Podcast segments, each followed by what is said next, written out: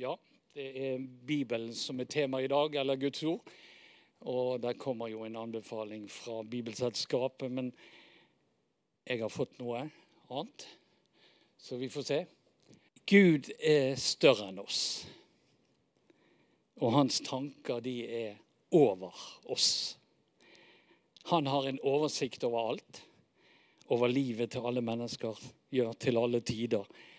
Og til hele sitt skaperverk. Når hans tanker er høyere enn våre tanker, er det klart at det er noe som vi ikke kan fatte. Vi har ikke evne til det, og det er noe vi bare må akseptere. Vi får ikke vite alt. En del av det overlates til tro, og vi må rett og slett bare tro det. Og en del får vi sannsynligvis svar på når vi kommer hjem til himmelen.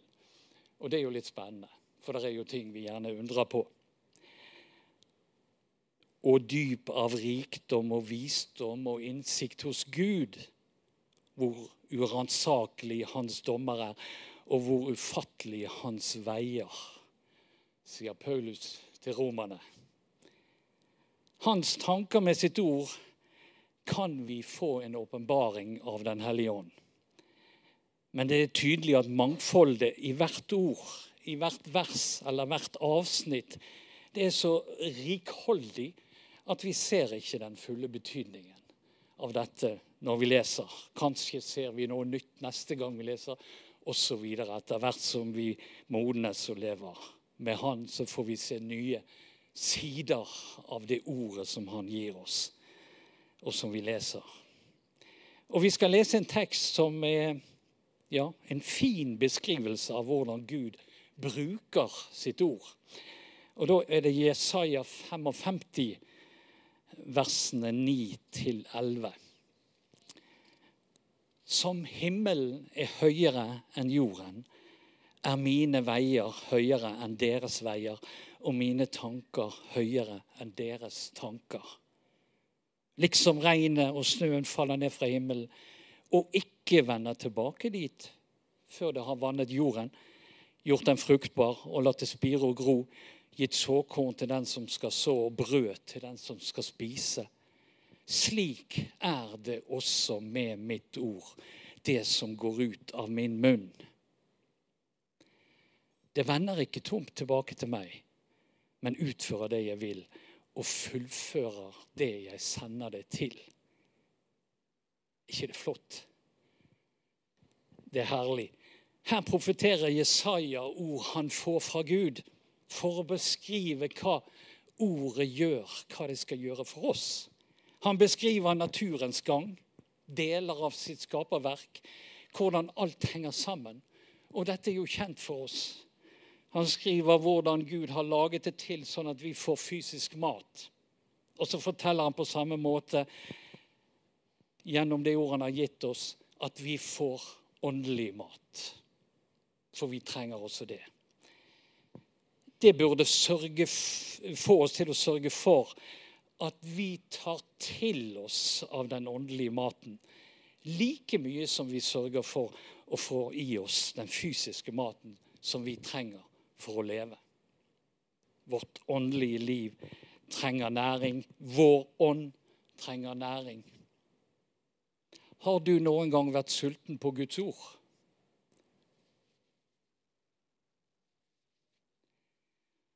Ordet gir oss liv. Det sørger for at vi har det vi trenger til vårt åndelige liv. Det livet som også skal vokse.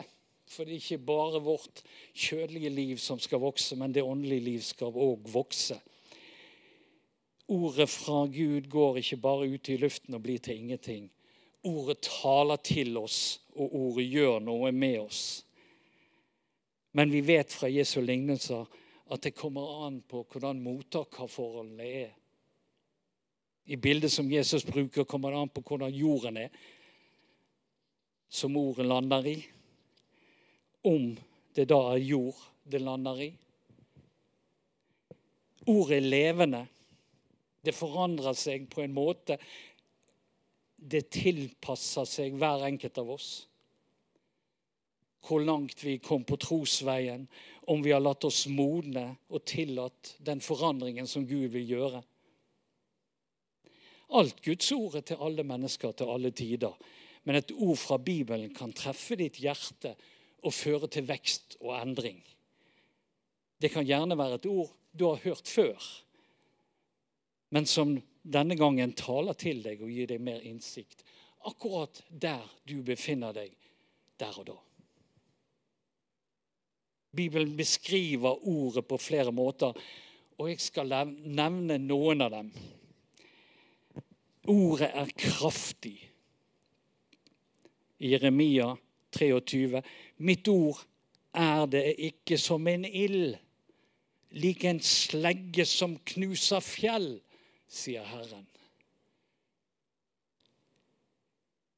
Noe sier meg at det er ingenting som kan stoppe det.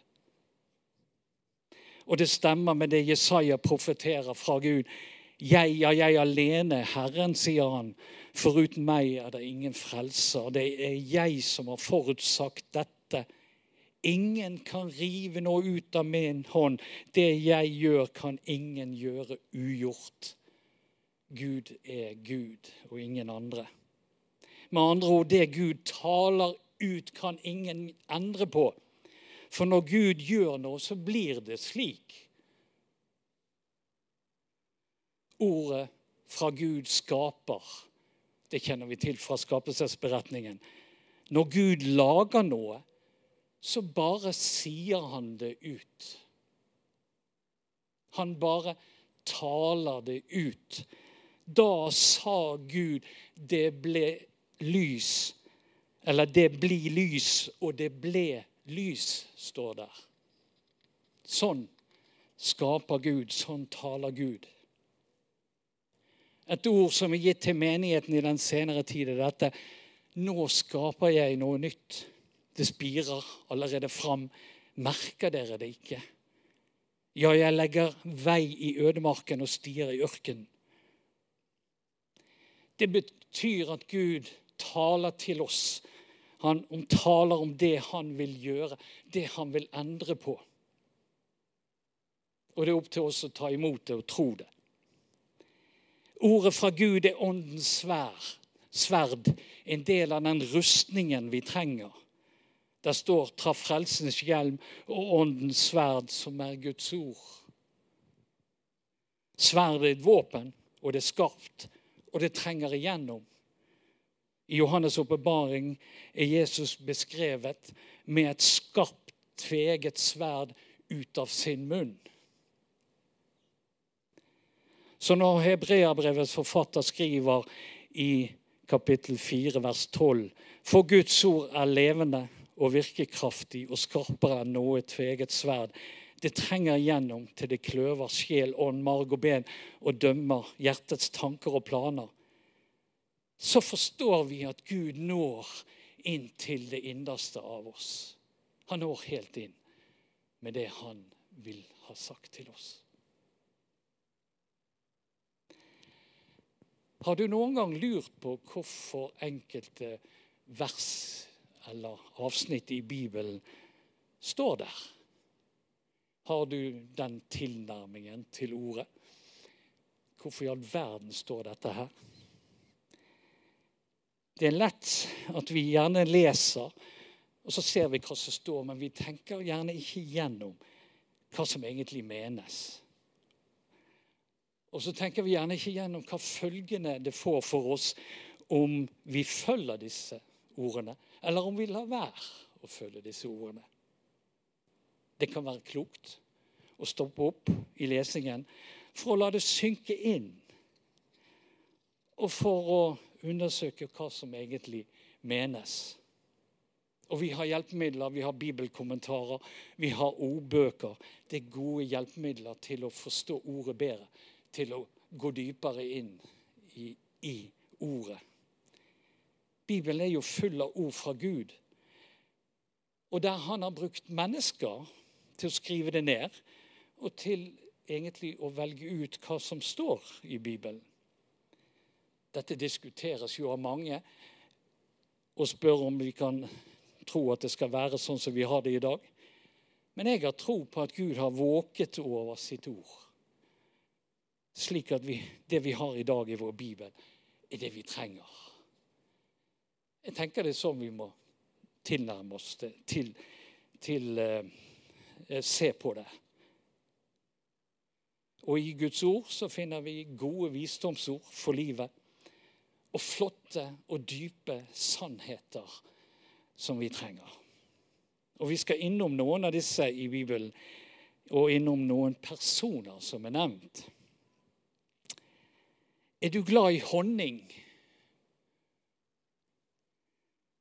Honning er god, det har søt smak, og det er sunt. Honning kan være godt for oss i passelige mengder. Det står om honning i Bibelen, og vi kan lære noe. Ja, vi kan få bruk for det i vårt daglige liv av det som står. Ordspråkene 1624. Vennlige ord er som dryppende honning. Søte for sjel og sunne for kroppen. ikke det flott? Hvis vi snakker vennlig til mennesker, uansett hvem de er, så kan det gjøre dem godt. Det kan være våre mening, meningsmotstandere. Eller det kan til og med være de som har oss som fiender.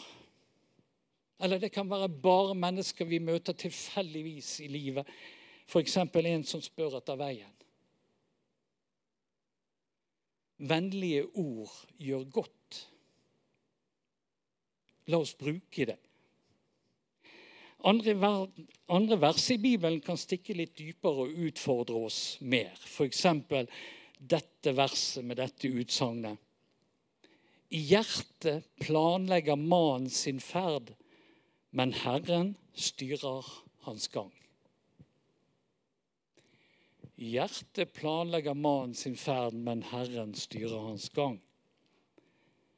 Og Så kan vi spørre oss styrer Gud oss mer enn det vi forstår, ser, tenker?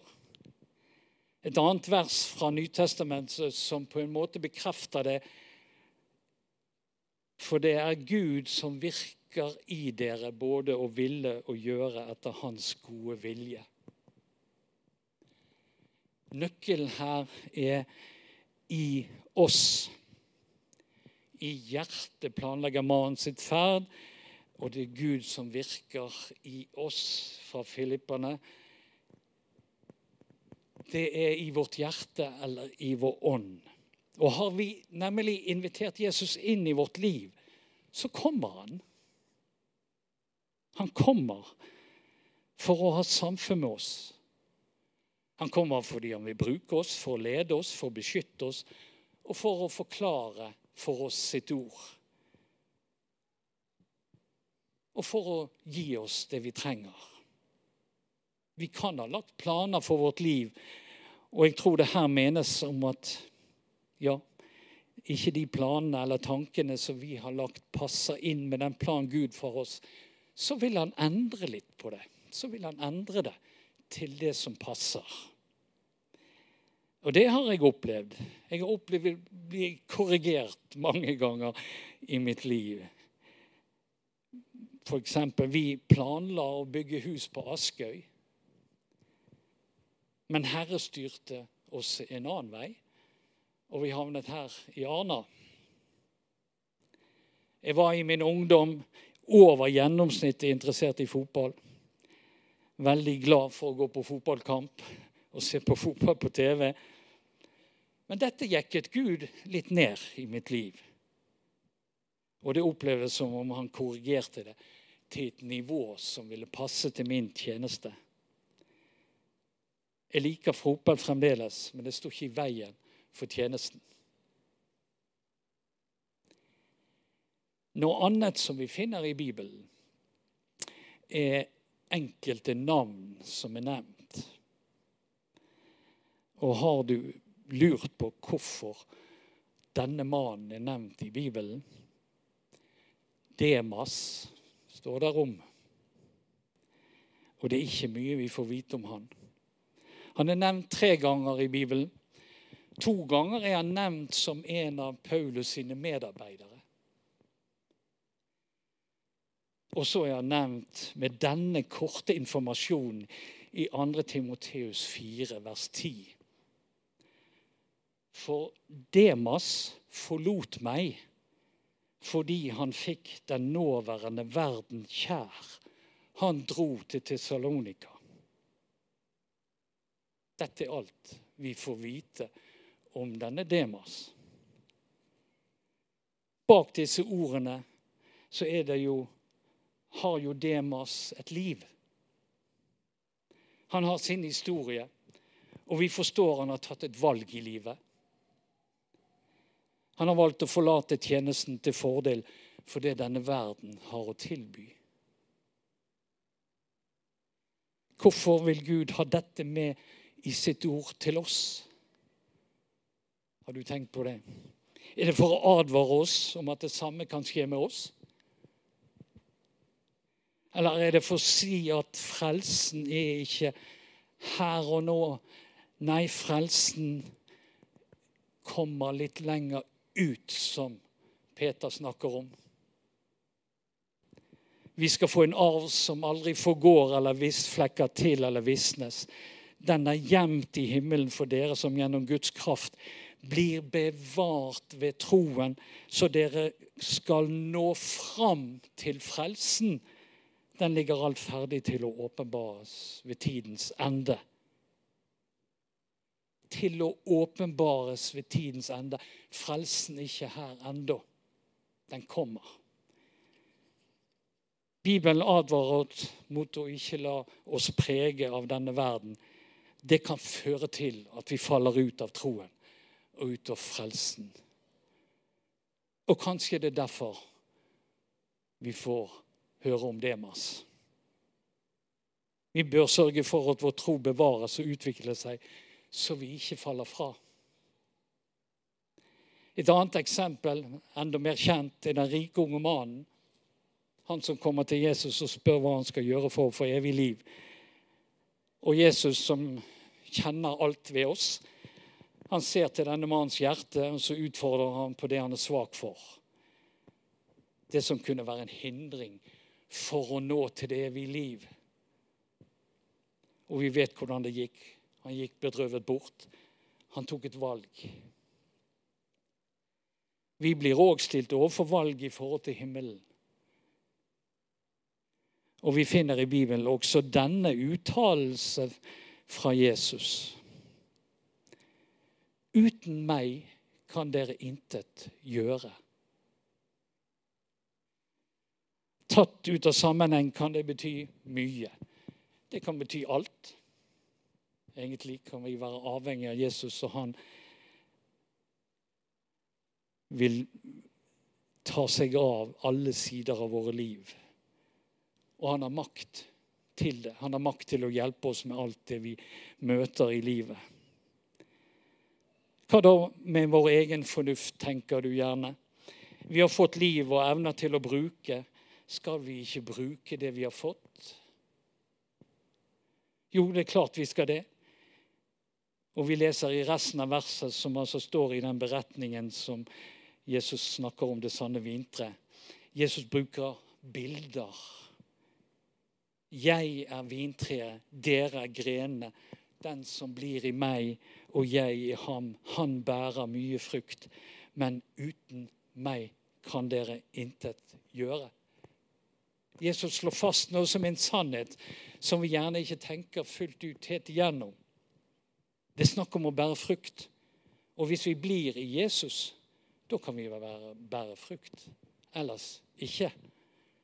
Og som til den rike unge mannen legger Jesus også her inn en forutsetning. Og den lyder slik Den som blir i meg og jeg i ham. Det å bli i Jesus og la Jesus være i oss henger sammen med det å bruke sin fornuft og de emner som han har gitt oss. For ved sin ånd som er i oss, og ved sitt ord som han gir oss, kan han lede oss til rette og gode valg i livet.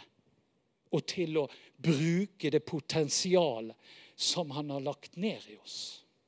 Og vil legge ned i oss etter hvert som vi vandrer med han.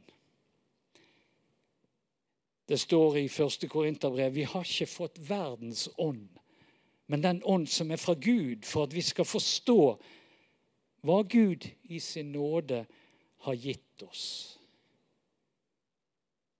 Den som kan forstå, er den som har fått Den hellige ånd.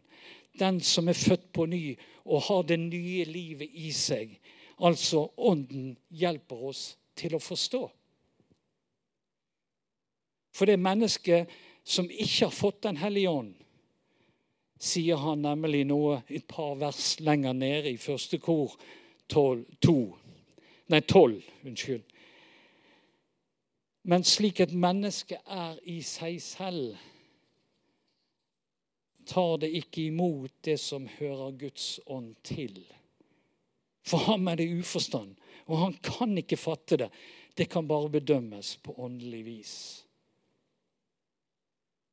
Av naturen kan mennesket ikke forstå. Vi må få det av Gud ved Den hellige ånd. Og er vi stadig i bønn, tar til oss av Guds ord, så kan Han lede oss. Be til enhver tid i Ånden, står der. Å slippe Jesus til i livet er nøkkelen til å kunne bære frukt. Da får vi et liv der Jesus er i fokus. Så vil han at, vi skal følge etter han der han leder oss, og gjøre det han kaller oss til. Da kan vi bære frukt. Konsekvensen av å ikke slippe Jesus til, og dermed resultatet av at vi ikke bærer frukt, det blir, som det står i vers 2, hver gren på meg som ikke bærer frukt, tar han bort. Det er ingen i Bibelen som taler så kjærlig som Jesus. Og ingen i Bibelen som taler så alvorlig om livet som Jesus. Og vi er avhengig av hans tale til oss. Derimot, hvis vi bærer frukt, fortsetter Jesus. Og hver gren som bærer frukt, renser han så den skal bære mer frukt. Altså, han tar den som vil, videre han former den til på en slik måte at vedkommende kan bære mer frukt. Han renser. Trenger vi å renses? David ber en oppriktig bønn i en av sine salmer. Og hvorfor er denne i Bibelen?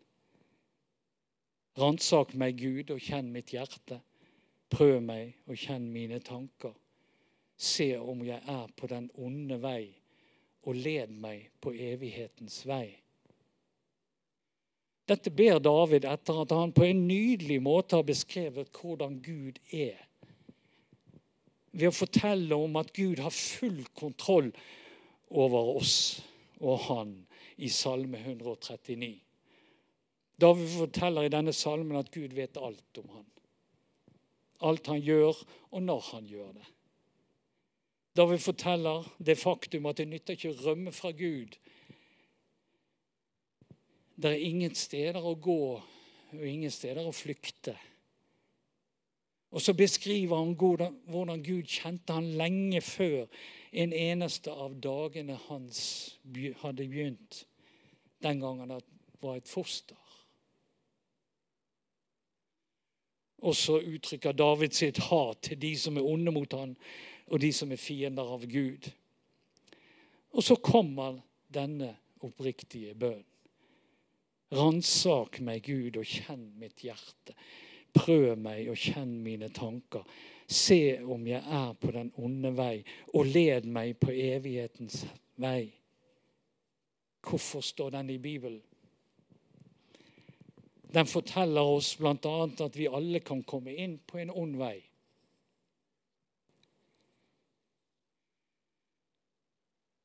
Et annet ord fra Jesus er dette i Matteus 7, 14. Men trang er den port, og smal er den vei som fører til livet, og få er de som finner den.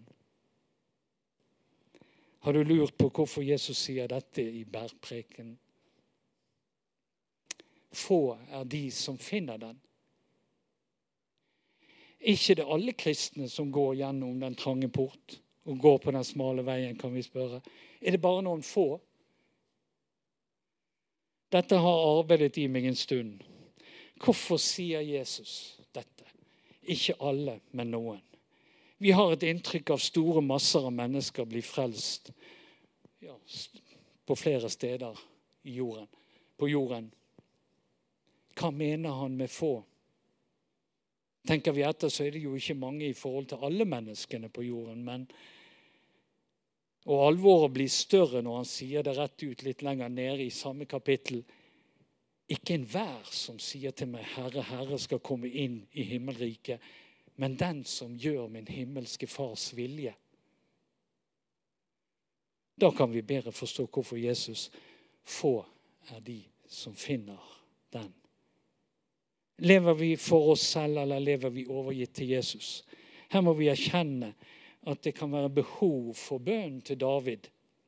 Vi trenger alle å be denne oppriktige bønnen. Ransak meg, Gud.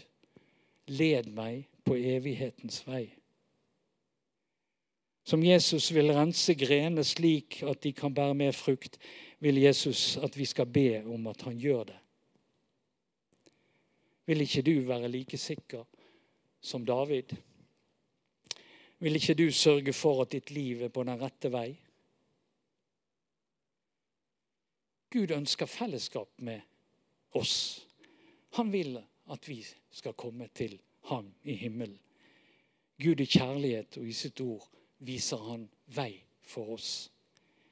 Vi skal avslutte med noen vers fra Nytestamentet om hvordan Gud bruker sitt ord. Og hvor viktig det er å lese og kjenne ordet. Det er Paulus som oppmuntrer Timoteus i tjenesten hans. Helt fra barndommen har du kjent de hellige skrifter, de som kan gi deg visdom som leder til frelse ved troen på Jesus Kristus. Alle skrifter som er inngitt av Gud, er også nyttige til å gi opplæring, tale til rette, hjelpe på rett vei og oppdra i rettferd slik skal det mennesket som hører Gud til, sette seg i rett stand og bli rustet til all god gjerning. Hjelpe på rett vei, leste vi her. Gud vil hjelpe oss på rett vei. Han vil hjelpe oss til å holde ut sånn at vi når målet. Guds ord, Bibelen, utfører det Gud sender det til å gjøre. Og han hjelper oss på rett vei. Skal vi be sammen. Vi takker deg, Herre, for ditt ord. Ja, noen ganger er det tøft å lese det. Noen ganger treffer det oss, og det blir utfordrende. Andre ganger så blir det oppmuntrende og trygt og godt, og det er fullt. Og alt er fullt av din kjærlighet. Noen ganger vil du korrigere oss når vi leser. Andre ganger vil du velsigne oss og vil løfte oss opp. Herre, vi takker deg for at du vil hjelpe oss på rett vei i vårt liv, slik at vi er på vei hjem til deg. Takk for ditt ord. Og jeg ber Herre om at det stadig får gjøre nye ting i våre liv, og at vi stadig oppdager nye sider ved deg og ved ditt ord, Herre. Det ber vi om. Du ser den enkelte oss. Ta deg av oss, Herre. Amen.